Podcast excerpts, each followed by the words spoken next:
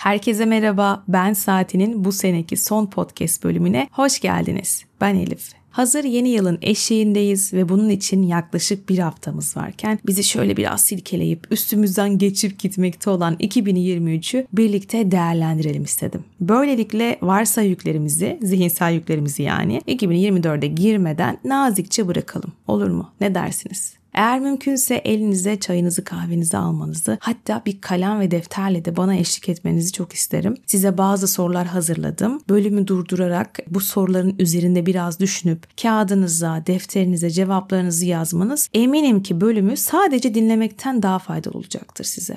Çünkü verdiğiniz cevaplar sizin şu anda nerede olduğunuzu, hayatınızın neresinde olduğunuzu size açıkça gösterecek. Navigasyona ya da Google Map'e gideceğimiz yeri yazarken başlangıç noktamızda yazmamız gerekiyor ya onun gibi. Ve bu kısım bitince Peki şimdi ne olacak? Sırada ne var dediğimiz biraz da heyecanlandığımız ve meraklandığımız kısma geçeceğiz. Mevcut durumu bilince gitmek istediğimiz yöne doğru hayatın dümenini kırmak, onu istediğimiz şekilde tasarlamak biraz daha kolay gelebilir bize. Evet, 2023'ün Z raporuna başlayalım o zaman.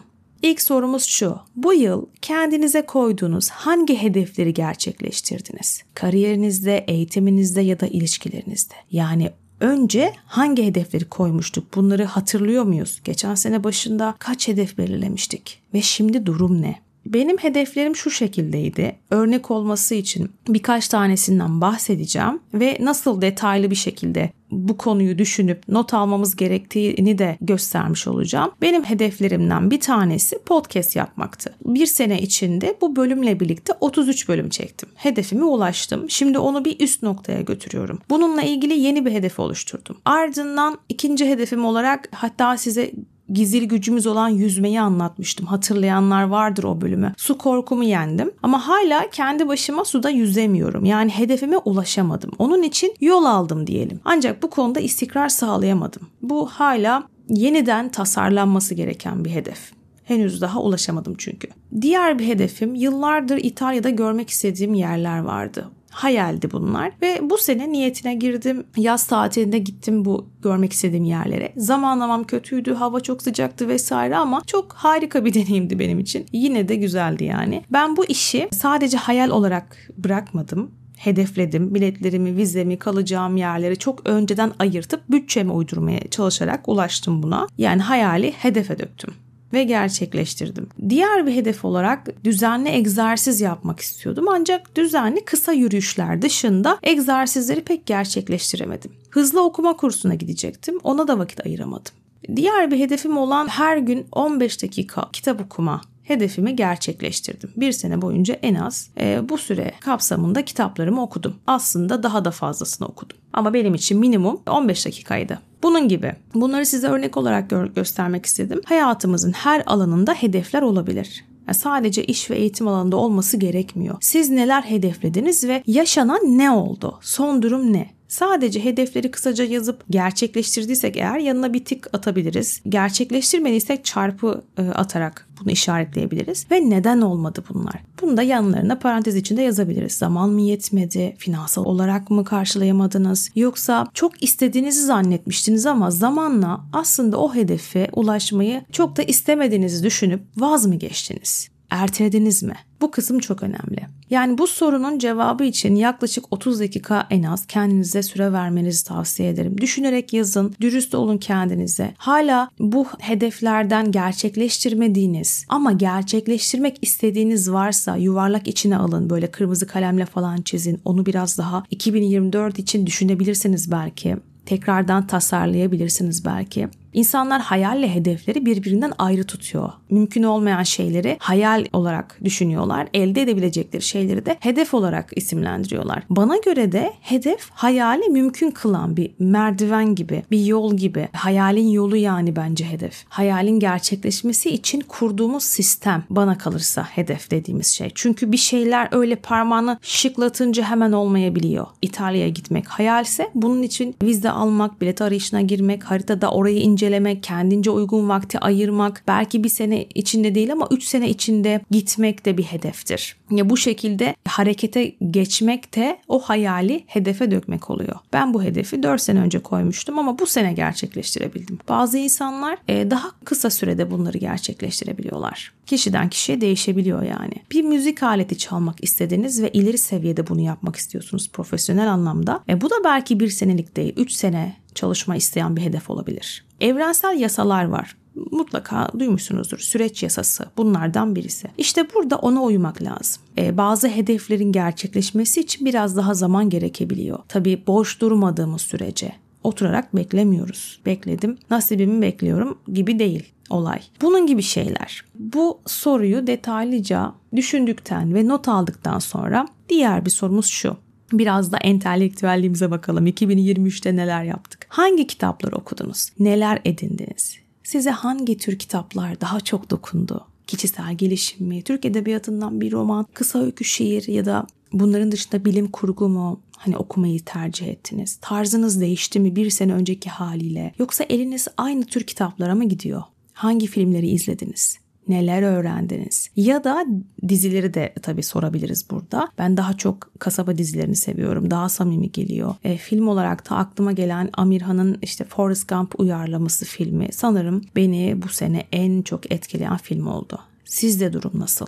Bunları da böyle bir zihninizden geçirip not alabilirsiniz. Ardından hangi videoları izlediniz, podcastleri dinlediniz? Artık e, sadece YouTube değil yani podcast camiası da bayağı büyüdü. Bir sürü güzel podcast var ve neler öğrendiniz bunlardan? Mesela ben Sinan Canan'ın işte Barış Özcan'ın videolarını düzenli olarak takip ettim. Bunun dışında özellikle seyahat vlogları benim favorimdi. Bir de şu hani sessiz vloglar var ya işte Japonların çok yaptığı, Korelilerin çok çektiği. Onlara bayağı bir taktım. İyi geldi izlemek. E, yabancı dil video kestlere de çok sardım. Peki sizde nasıl oldu bu? Bunlar aslında bizim beslenme kaynaklarımız aynı zamanda. O yüzden de bu sorunun cevabı önemli. Peki hangi sergilere, müzelere, sanat aktivitelerine gittiniz? Hangilerine katıldınız? Bu size ne öğretti? Ben eskiden çok fazla tiyatroya gidiyordum ama pandemiden sonra bu alışkanlığım değişti. Pek gidemiyorum. En son gittiğim film e, Nuri Bilge Ceylan'ın Kuru Otlar Üstüneydi. Ama beni etkileyen yani böyle sinemaya gidip de etkilendiğim film Avatar'ın işte ikinci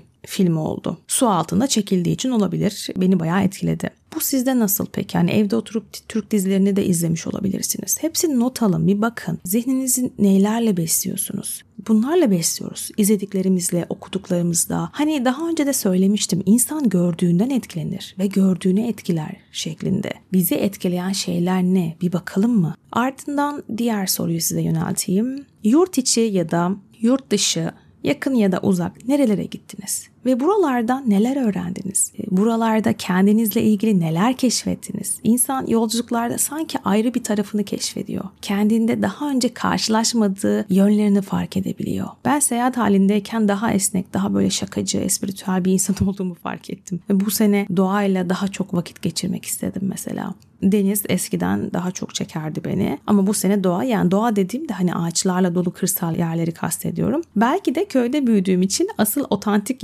yaşamıma doğru bir eğilim sergiliyor olabilirim. Bir önceki bölümde otantik kelimesini anlattım. O tabiri anlattım. E, oraya hızlıca bağlanabilirsiniz eğer bu ifadeyi bilmiyorsanız. Diğer sorumuz hangi iyi özelliklerinizi geliştirdiniz? Mesela ben şikayeti bıraktım. Yani bıraktığım gibi yüzde yüz değil ama sorun yaşadığımda çözüme daha çok gidiyorum. Şikayete kaçtığım anda kendimi yakalıyorum ve bu benim hayatımda pek çok şeyi iyileştirdi bu arada. Size de tavsiye ediyorum. Mutlaka deneyin. Hani hep şükredin ve o iyi enerjide kalın derler ya şükrettiğiniz şeyler çoğalır da denir. Bunu yapmayı unutuyorsanız tam tersinden gidin şikayeti söylenmeyi bırakın. O zaman daha dingin ve iyi bir modda oluyorsunuz. Bir hafta deneyin derim. Hem de zihin eğitimi olur. Şikayet edeceğinizi fark ettiğiniz an sözcüklerinizi değiştirin. Bunu nasıl hallederim gibi, bu nasıl kolaylıkla olur gibi cümleler söyleyebilirsiniz. O zorlandığınız durumla ilgili. Peki hangi şu özelliğimi, huyumu değiştireceğim dediğiniz huyunuzu değiştirdiniz ya da değiştirme yolunda büyük bir adım attınız?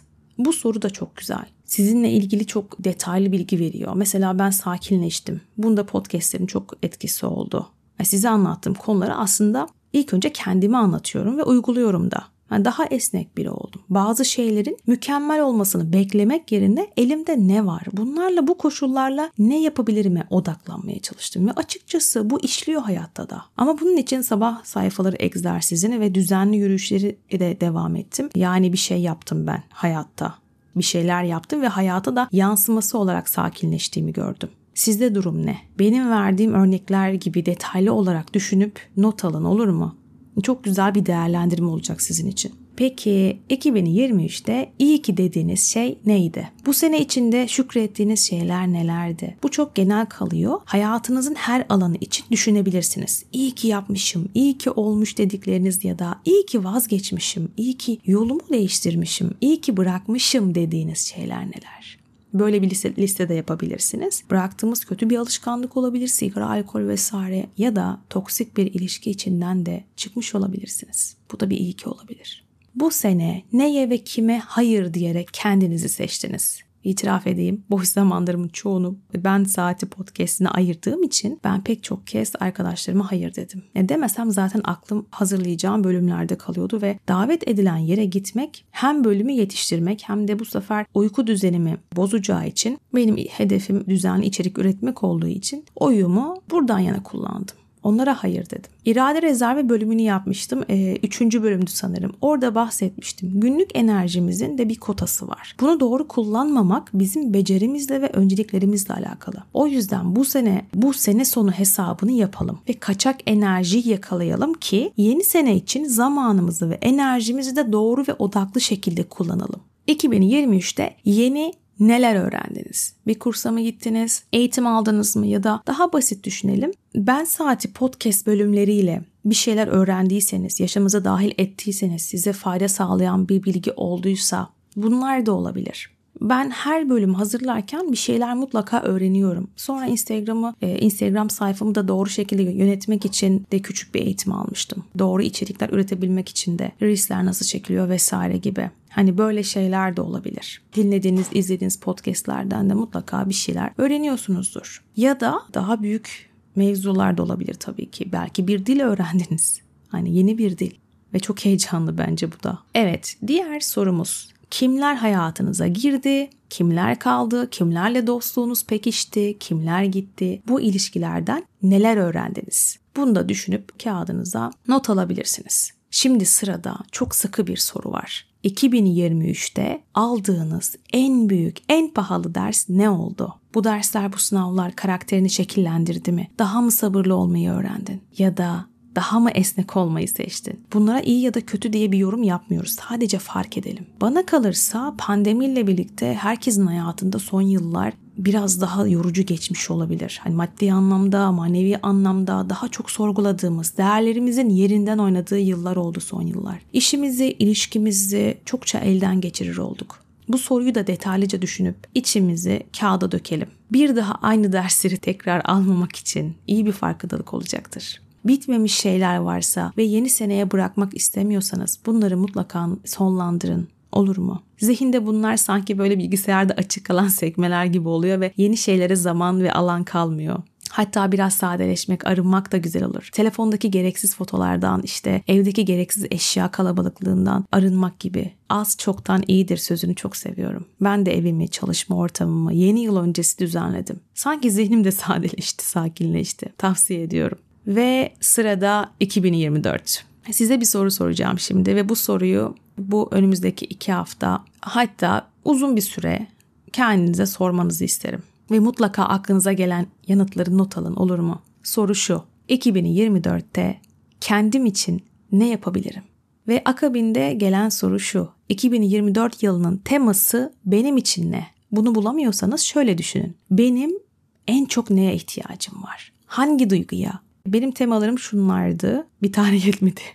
Sakinlik, neşe ve huzur. Çünkü benim en çok hissetmek istediğim duygular bunlar. Ama sizin başka olabilir. Hareket, üretkenlik, para, evlilik gibi soyut kavramlar da olabilir. Yeni iş de olabilir. Yeni bir eğitim, sadeleşme, seyahat etme gibi. Mesela şu tema da çok güzel. Mümkün. Bu kelimeyi ulaşmanın zor olduğunu düşündüğünüz hedefler için kullanabilirsiniz. Hatırlatıcı olur. Sürekli mümkün dedikçe hayatımızda aslında birçok fırsatın da olduğunu fark ederiz. Algıda seçicilik oluşmaya başlar. Peki 2024'ün benim yılım olması için bu seneyi nasıl tasarlayabilirim?